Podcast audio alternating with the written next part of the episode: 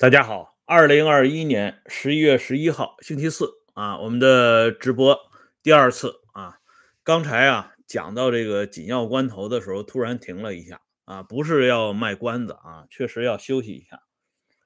那么接下来我来说一下这个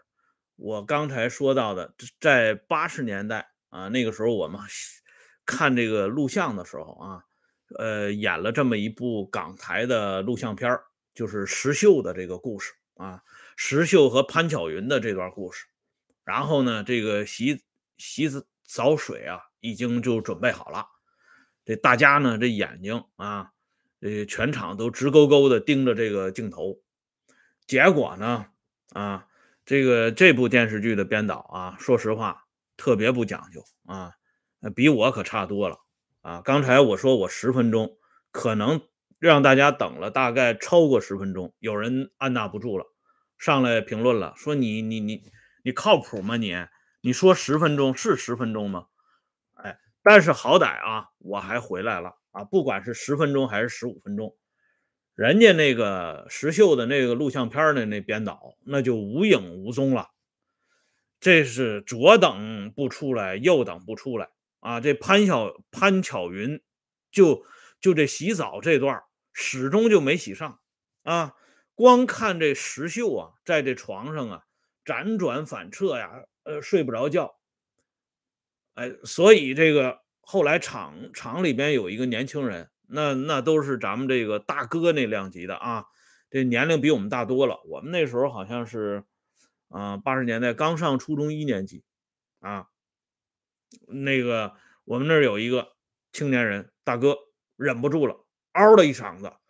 啊，他喊的是什么呢？我到现在都记得。他说：“到底还洗不洗了？”啊，全场的哄堂大笑啊，大家都有这个啊共同的这想法愿望，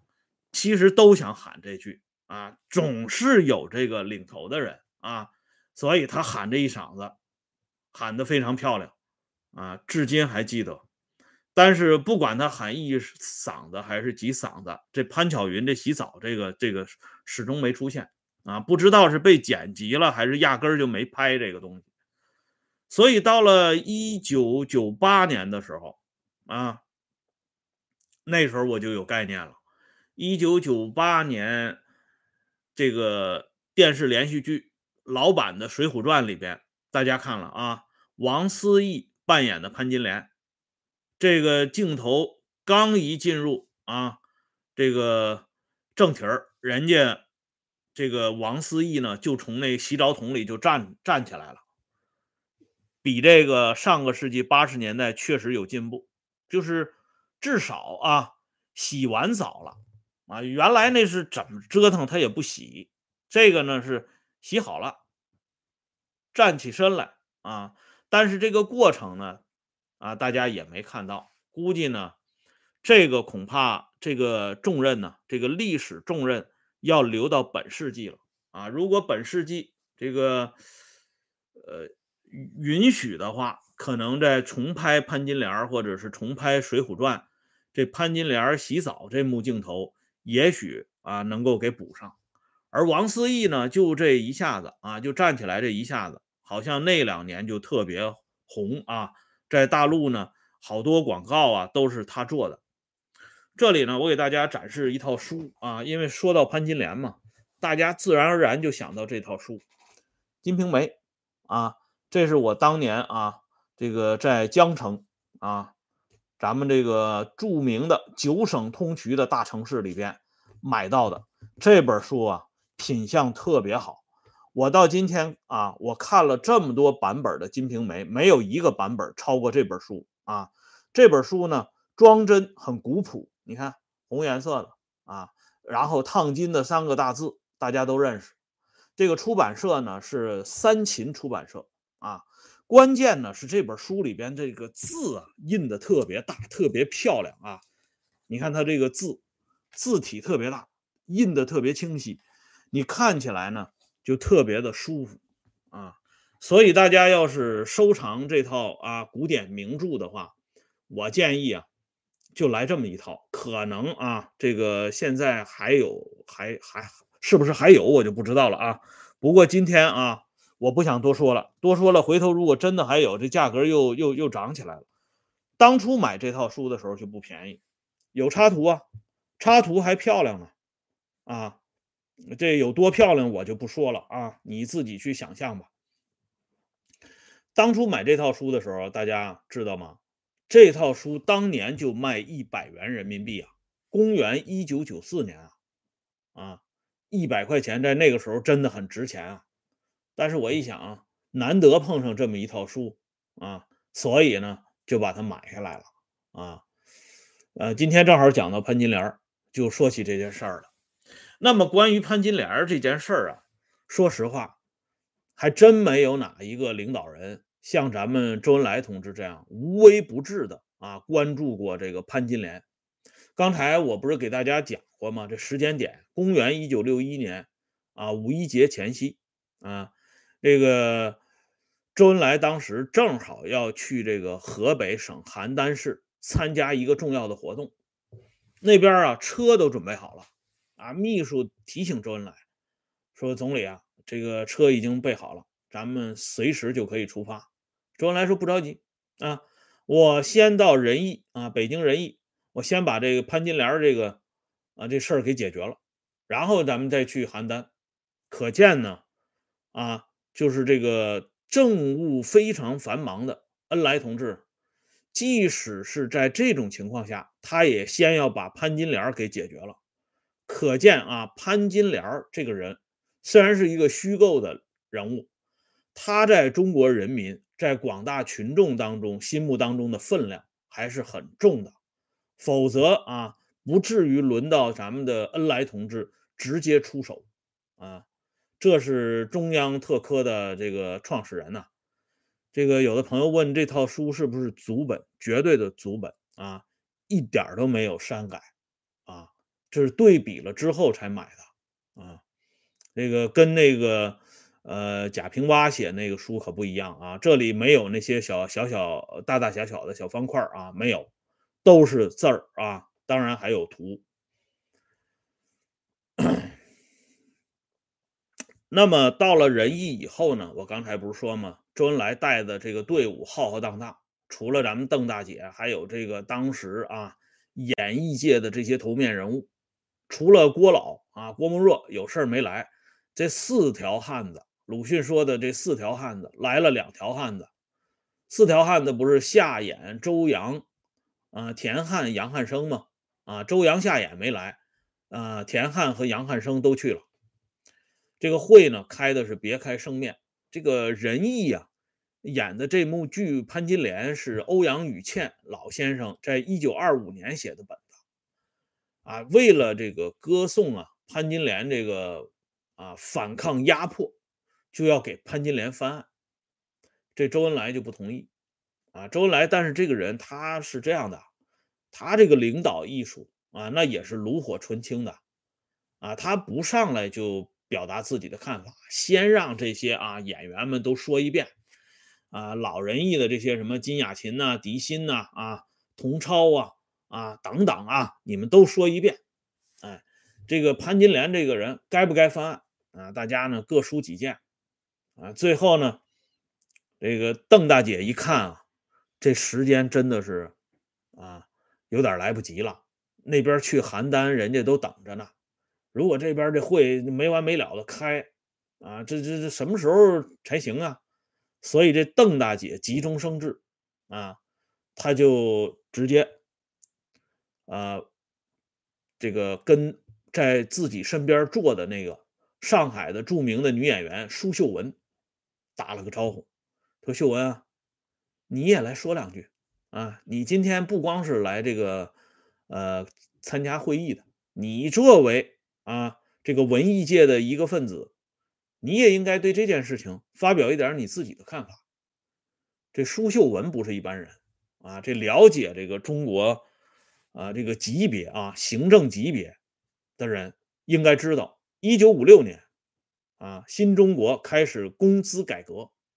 啊定级了，全国定三十个行政级别啊，这个文艺界呀、科学界呀、教育界啊，各行各业都开始定级。其中这个文艺界演员定级，全中国当时被评为一级演员的只有四个人：赵丹、白杨、苏秀文、金燕，就这四个人。这一级演员是什么概念呢？每个月拿工资三百六十五元人民币啊！这三百六十五元人民币在当时是什么概念呢？就是副部长行政六级呀，副部级干部啊，或者是相当于常务副部长这个级别的，月薪才三百六十八元，也就是说，国家一级演员约略相当于行政六级。哎，这个级别呀，大家看一下，一级演员这级别相当高了。所以这邓大姐就让苏秀文这一级演员，你发个言。这苏秀文这个人不愧是一级演员啊！他看完这两位伟大的表演艺术家的这个呃眼神之后，他就心领神会了。这苏秀文就发言了，他说：“这个潘金莲这个这不能翻案。为什么不能翻案呢？因为这武大呀，这个武武大郎啊。”他也是工农出身的，他是一个贫苦农民呐，是咱们的农民兄弟啊，啊，他无非是长得难看一点，哎，但是他也没有出去吓人，不是啊？结果呢，潘金莲勾结这个西门庆，西门大官人，把这个呃农民兄弟武大郎就给害死了，这个不行啊。这是属于动摇咱们这个工农联盟基础的这个行为，这个绝对不能允许。如果潘金莲把这个张大户啊，潘金莲原来不是在张大户家这个工作吗？啊，然后这张大户想跟潘金莲进一步发展这个友谊啊，被潘金莲给拒绝了啊，这才这个嫁了武大郎的啊，这大家都知道啊。那个如果。啊，苏秀文说：“如果潘金莲把这张大户给干掉了，或者是把这西门大官人给干掉了，那那可以翻案啊，那是这个他这个思想就找对路了。”苏秀文这么一说呢，哎，周恩来就把话接过来了，哎，周恩来就开始做这个总结了，而且把自己的观点给亮出来了。他这观点很重要啊。周恩来在一九六一年四月三十号。这番讲话，为这个中国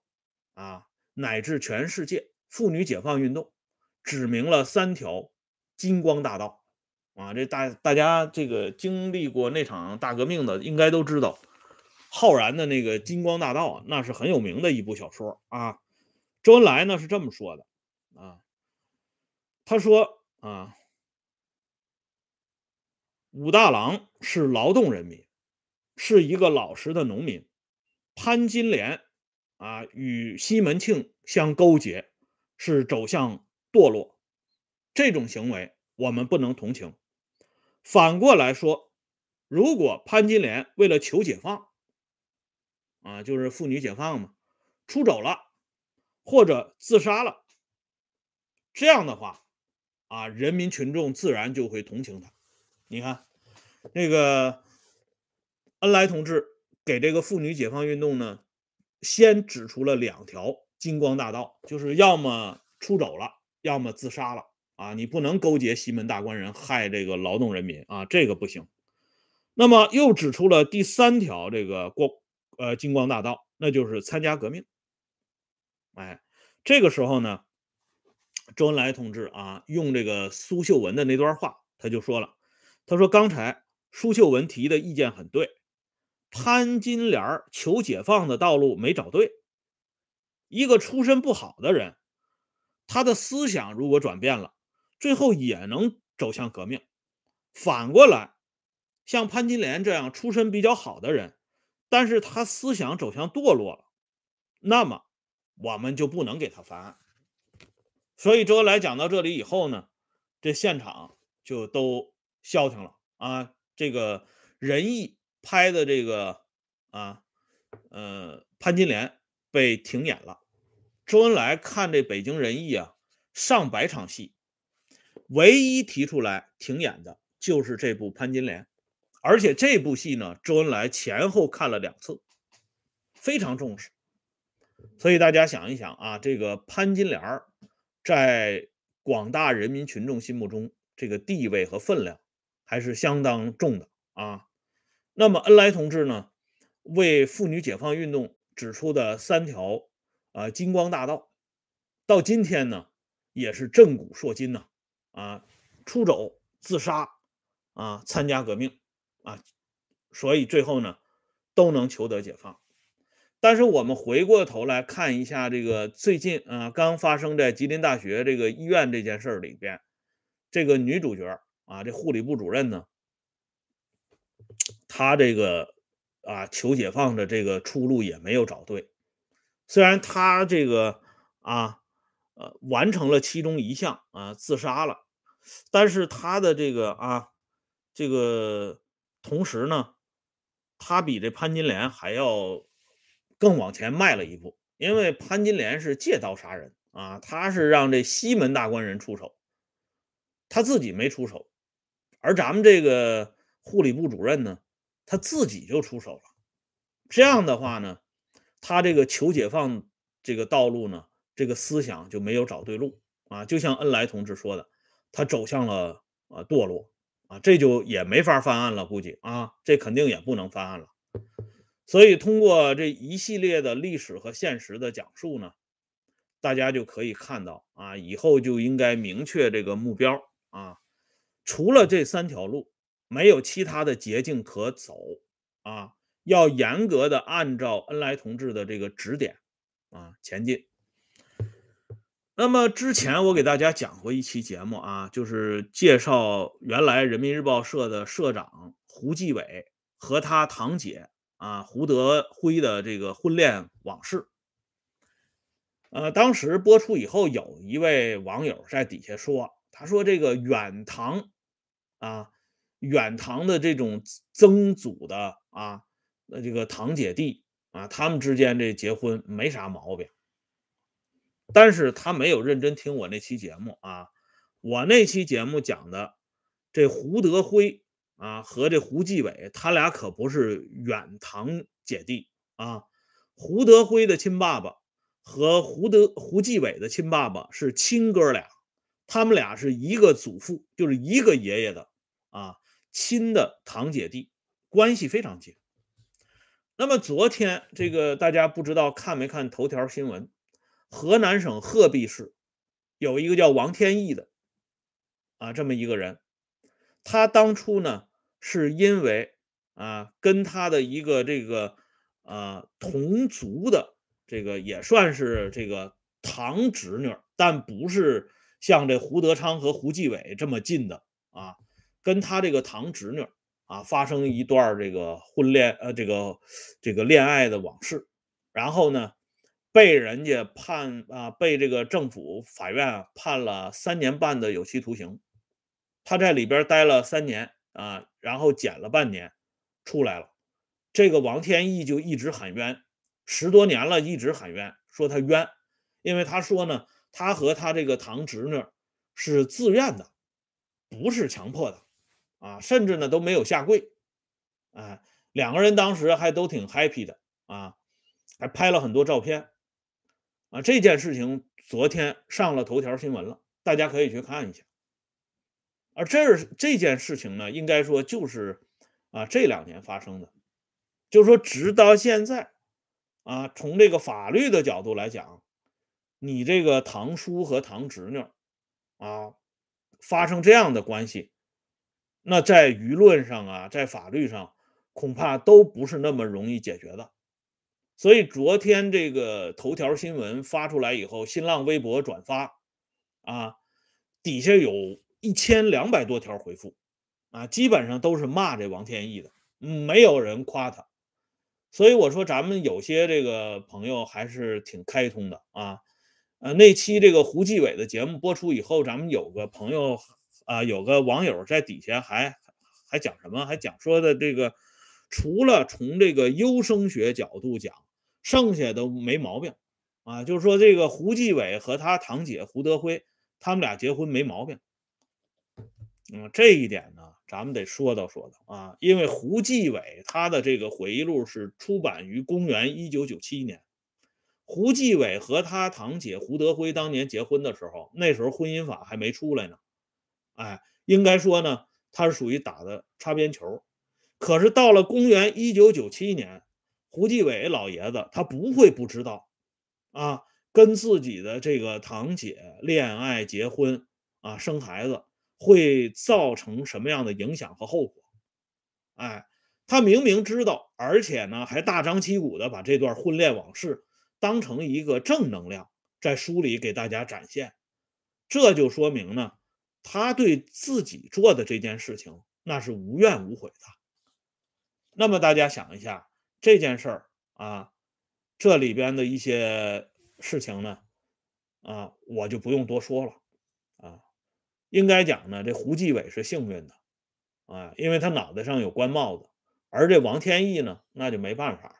啊，谁让你啥都不是呢？哎，所以呢，这些事情看过来之后呢，有些情况估计呢也就豁然开朗了。好了，今天呢，咱们这期时事感怀就说到这里啊。这个谢谢朋友们的打赏支持啊，点赞收看，欢迎大家关注“温相说时政”会员频道啊，经常有更新。今天就有一期啊，所以啊。如果按照这个咱们这些朋友的这个说法，那你这，嗯，潘金莲和这个武大郎，嗯，呃这个和这个西门庆，还有这武武二爷，他们这关系也没毛病啊，对不对？嗯，所以这个欧阳予倩先生的这个潘金莲里头，最后武二爷挥刀的那一刹那，他有一句台词，他对潘金莲说：“啊，你爱我。”可是我爱我哥哥啊，噗呲啊，就这一刀就下去了啊，所以这个大家这个啊，展望一下历史，再看待一下现实，可能有些事儿呢，哎，就都清楚了啊，没毛病这话千万不能轻易下结论啊。